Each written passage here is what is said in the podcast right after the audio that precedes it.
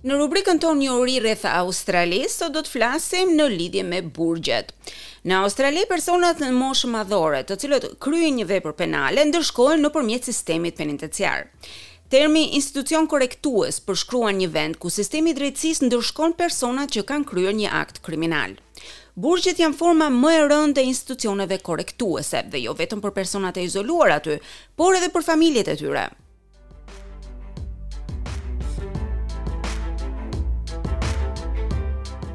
Në Australi ka 115 objekte korrektuese. Ato drejtohen nga sistemi privat dhe ai publik.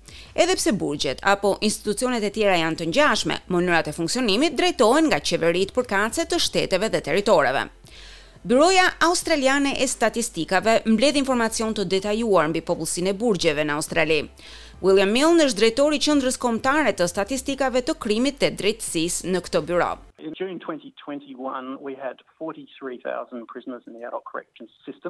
And of those, just over 15,000 were on remand awaiting trial, 92% of males versus 8%. Në qershor të vitit dy mijë e njëzet e një, në Australi kishte dyzet e tre mijë të burgosur të moshës madhore.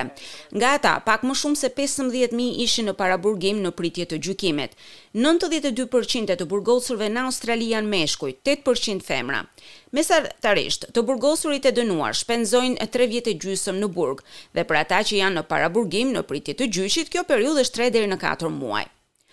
Është e rëndësishme të dihet se raporti i personave me prejardhje indigjene nëpër burgje është më i madh se minoritetet e tjera.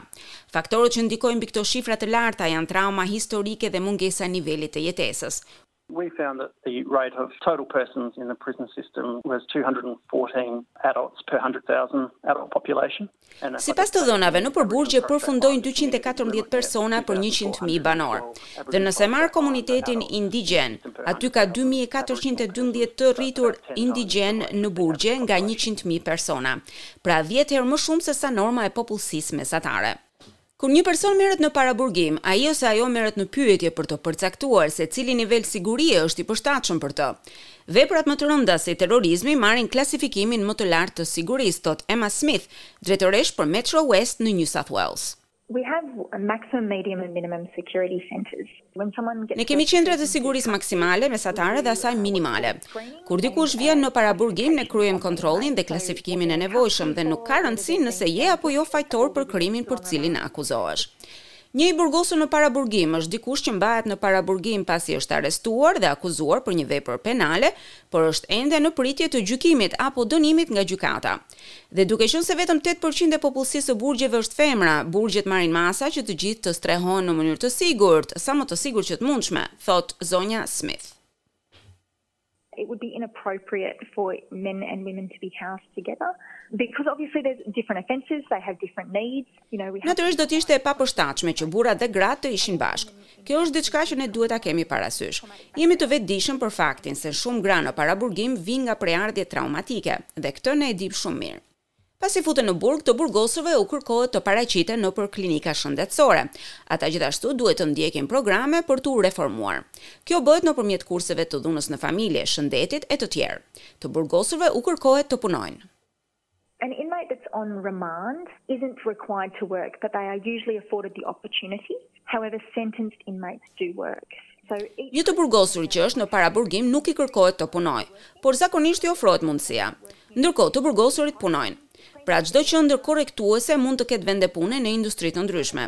Disa nga fushat ku mund të punojnë të burgosurit janë higjiena, kuzhina, mirëmbajtja, e të tjerë. Ka disa burgje që kanë edhe qendra të tjera si furra buke, printime, inxhinieri, blerje dhe funksionojnë si një qendër tregtare, nga e cila të burgosurit mund të blejnë sende të ndryshme.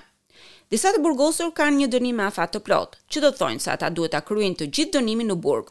Megjithatë, një pjesë e madhe e të burgosurve kanë një datë më të hershme ku mund të lirohen me kusht. The parole allows supervision, so an inmate might have a shorter period of time where they go out into the community and they're closely supervised. Lirimi me kusht lejon mbikëqyrjen. Pra një i burgosur ka mundësinë të jetë i lirë. Liria e mbikëqyrur shoqërohet me vizita në zyrën e lirimit me kusht në varësi të nevojës. Është një mundësi me të vërtetë shumë e mirë për të burgosurit që të kenë mbështetje, por edhe për komunitetin sepse në këtë mënyrë të burgosurit monitorohen. Kjo lejon një riintegrim gjatë kësaj periudhe. Pasi arrestohet një person, të afërmit mund ta gjejnë se ku është nëpërmjet Departamentit të Burgjeve. Për të vizituar dikë në burg, leja merret nga burgu. Çdo qendër ka numrin e telefonit online.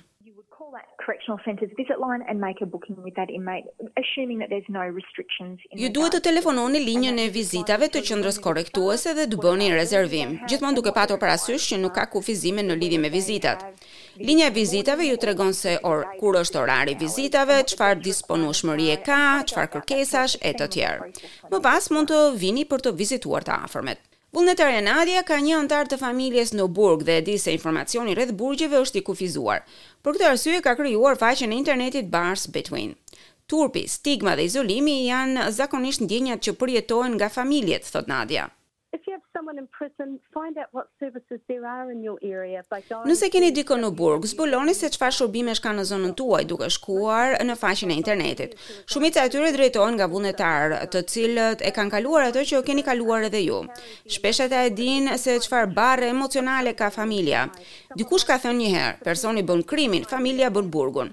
Dhe me të vërtetë ndiheni kështu, thotë ajo. Një i burgosur ka nevojë për mbështetje gjatë burgut, por edhe pas lirimit prej tij.